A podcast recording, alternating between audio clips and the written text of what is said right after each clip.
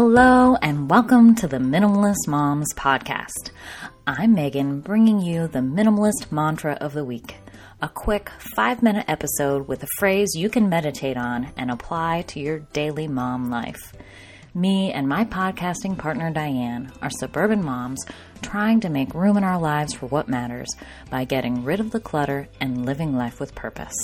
We're on a journey to think more and do with less.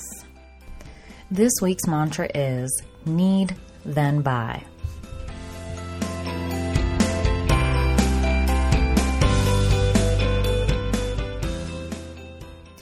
I used to be the queen of shopping for fun. I would go shopping as a recreation activity. I'd plan to go shopping with friends. I'd go shopping when I was bored. We'd go shopping as a family. My mindset was shopping is a destination as legitimate as going to a resort. I don't need a reason to go shopping, just like I don't need a reason to read a book, go bike riding, or play a board game with my kids. When I realized I had overconsumed myself into an overcrowded home, I began the process of purging my possessions.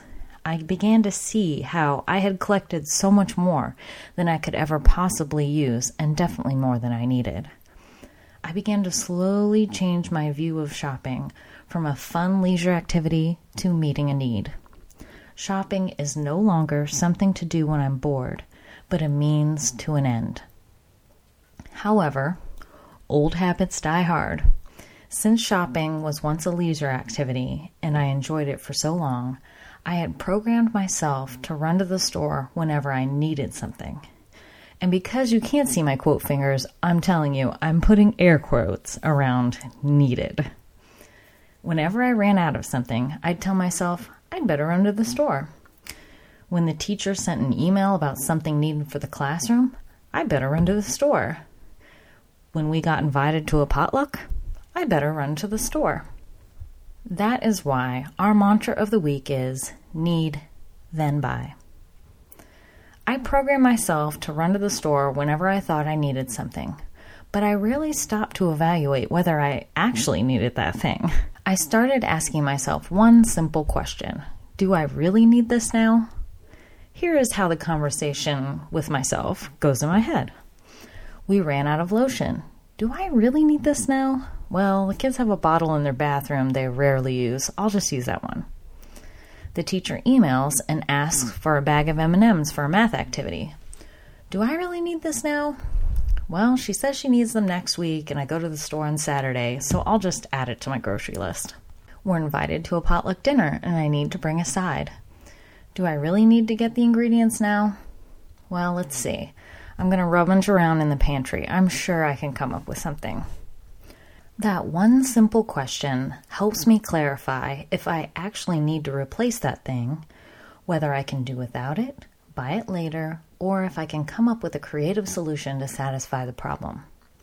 This reminds me of that Depression era motto use it up, wear it out, make it do, or do without. Thankfully, our generation doesn't have to deal with the lack of basic food and clothing supplies sacrificed to the war effort then but I do think it would do us some good to keep that motto in mind today.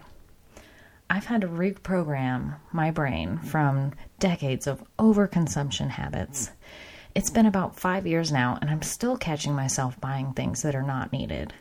Thankfully, most stores have a generous return policy, and I can correct my mistakes.